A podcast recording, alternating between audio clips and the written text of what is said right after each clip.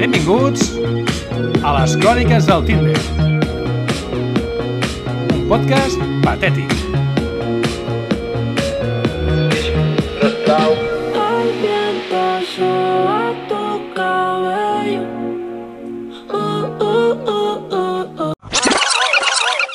Todo lo que explicamos en este podcast ha pasado, los hechos y los lugares son reales, en algunas descripciones el contenido podría ofender las sensibilidades, relatamos anécdotas reales, el amor, el humor y el sexo, no entiende de sensibilidades.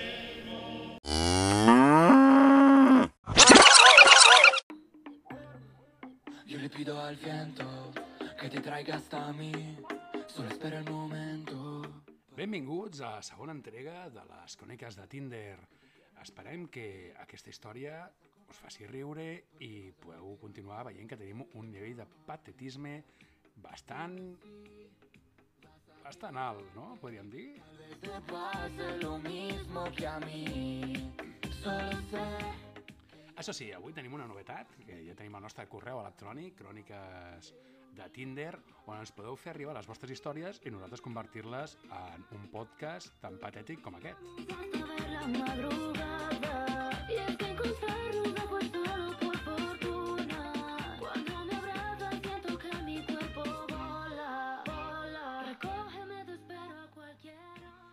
Bé, eh, un dia d'hivern em vaig posar a jugar a Tinder i vaig veure una noia molt a lo Catwoman.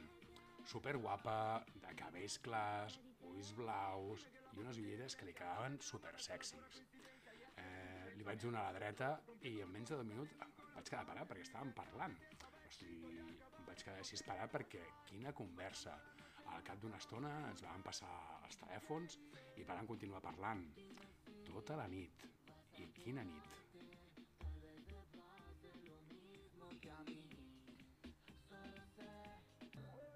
Yo le pido al viento que te traiga hasta mí.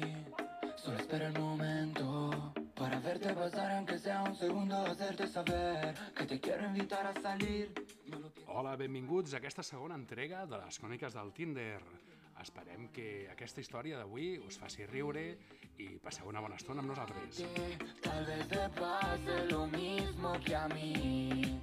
Solo sé que yo andaba a oscuras y Avui tenim una nova novetat que posem en marxa el nostre correu electrònic eh, cròniques del arroba gmail.com on ens podeu fer arribar les vostres històries per nosaltres convertir-les en podcast o fins i tot suggerències, preguntes que òbviament acabaran sortint pel nostre podcast. Recógeme, te espero a cualquier hora, hora. No quiero pasar esta noche sola.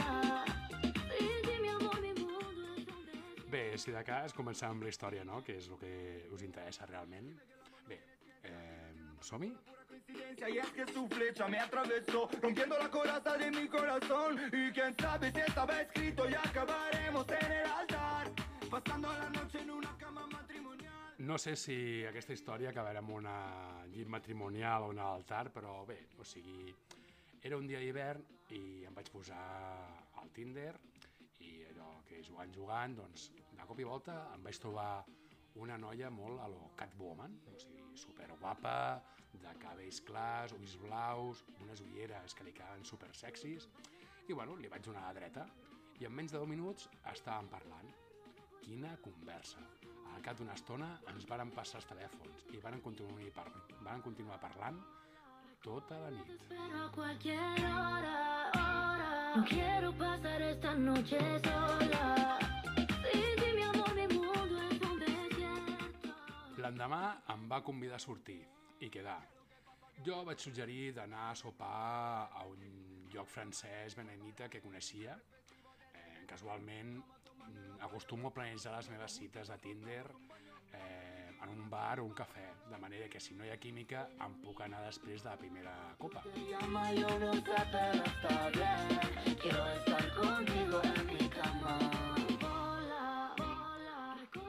No obstant, això mm, vaig acceptar la seva invitació per anar a sopar un dissabte a la nit. Eh, el que passa que el dia abans de la meva cita va ser festa Nadal a la meva empresa i hi havia barra lliure i sí, com Déu mana. Anamena, desde Málaga para el mundo. Dir que em vaig veure fins l'aigua dels floreros és poc. A l'endemà vaig despertar-me amb una de les pitjors ressaques de la meva vida. No podia ni moure. Havíem quedat al restaurant a les 8 de la tarda, així que vaig pensar que per aquella hora estaria millor. Però era les 6 i seguia igual, marejat, amb ganes de potar, amb pijama i, òbviament, sense ganes de menjar res de res. Pienso en ti, yo sonrío, tu mirada nubla mi mente, mi vestido desciende y yo me pierdo completamente. Vaig agafar totes les forces que em quedaven per poder-me dutxar, vestir-me i sortir. Encara que pressentia que no era bona idea conèixer algú en el meu estat. Vaig arribar al restaurant i allà estava Catwoman. Molt guapa i esperant-me a la barra. Notando el calor de tu cuerpo y cuando despierte contento, salir a invitarte a desayunar. Esta noche bailame en cualquier lugar, hacer que esto sea muy especial. Ens vam asseure i encara que em sentia fatal eh, i no tenia gana, estava emocionat per conèixer-la millor. Sense pensar-s'ho gaire, va agafar la iniciativa ella i va demanar una ampolla de vi i uns aperitius mm, bastant contundents. Una cosa que usualment em faria molt feliç, però en aquell moment només volia aigua i paracetamol. Quiero dormir, pasar toda la noche entera, entera. Oh,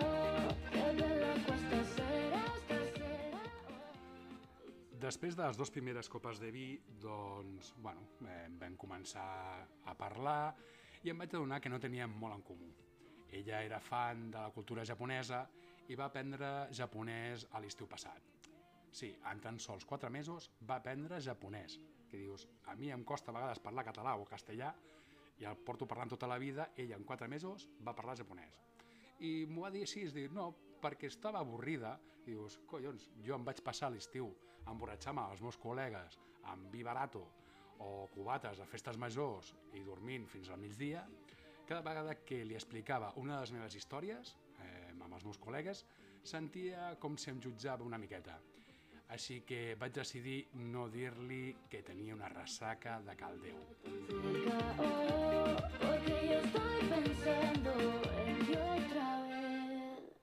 Després d'algun viatge al lavabo per prendre'm un àlmax, la meva Catwoman es va convertir més en una Aida que en Paz Vega. Eh, després de l'aperitiu, mm, jo tenia molt coll avall que aquesta noia i jo no hi havia futur. necesitaba cuando más falta hacía. Tú me diste la espalda. Lamentablement, ella no va pensar igual, ja que va demanar postres i cafè. El que em faltava després d'un sopar amb menjar picant i mil espècies. Dins el meu estómac hi havia una bomba en aquell moment que ni, Hiroshima s'ho pensava.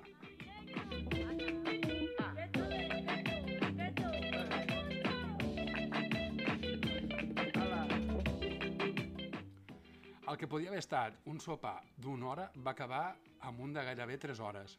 Jo moria en silenci. Intentava gaudir del vi. No veia l'hora d'anar-me'n a casa per reunir-me amb el que era el meu veritable amor en aquell moment. Un llit, Netflix i un lavabo a prop. Dentro de poco me voy a arrepentir de haberte confesado lo que me hace sufrir. Tú me dejaste de querer cuando menos lo esperaba. Segurament em va deixar de, de querer, com diu la cançó, però no estic segur si ella planejava acomiadar-se amb un petó. Però per evitar la situació eh, es tornés més incòmode encara, li vaig donar una abraçada d'aquestes en plan jugadors de futbol quan han perdut una final, tipus estudio però no puc quedar com un mal perdedor. Eh, I després d'això, al girar en la cantonada del carrer va explotar la meva bomba d'estómac. era tu fiesta. He pasado tres días con la misma ropa puesta. Loco por ti, perdiendo apuestas. Dime en quién piensas cuando te acuestas. Porque yo pienso en ti, son ilusiones. Yo pienso en Com podeu imaginar, aquesta cita no va ser del tot com us podíeu esperar, però almenys vaig poder evitar que la bomba explotés a sobre seu. Llavors, Catwoman, en què s'hagués convertit? Tú me diste la. Tú me dejaste de querer cuando menos lo esperaba. Cuando I així acabem la nostra història d'avui. Espero que us hagi agradat. Per cert, la noia i jo continuem tenint una bona amistat eh, i de tant en tant doncs, xerrem i comentem els nostres podcasts. Eh, gràcies per col·laborar. No diré el seu nom, però moltes gràcies, Catwoman, per aquesta meravellosa història que podem compartir avui amb tots vosaltres. Fins la pròxima. Oh,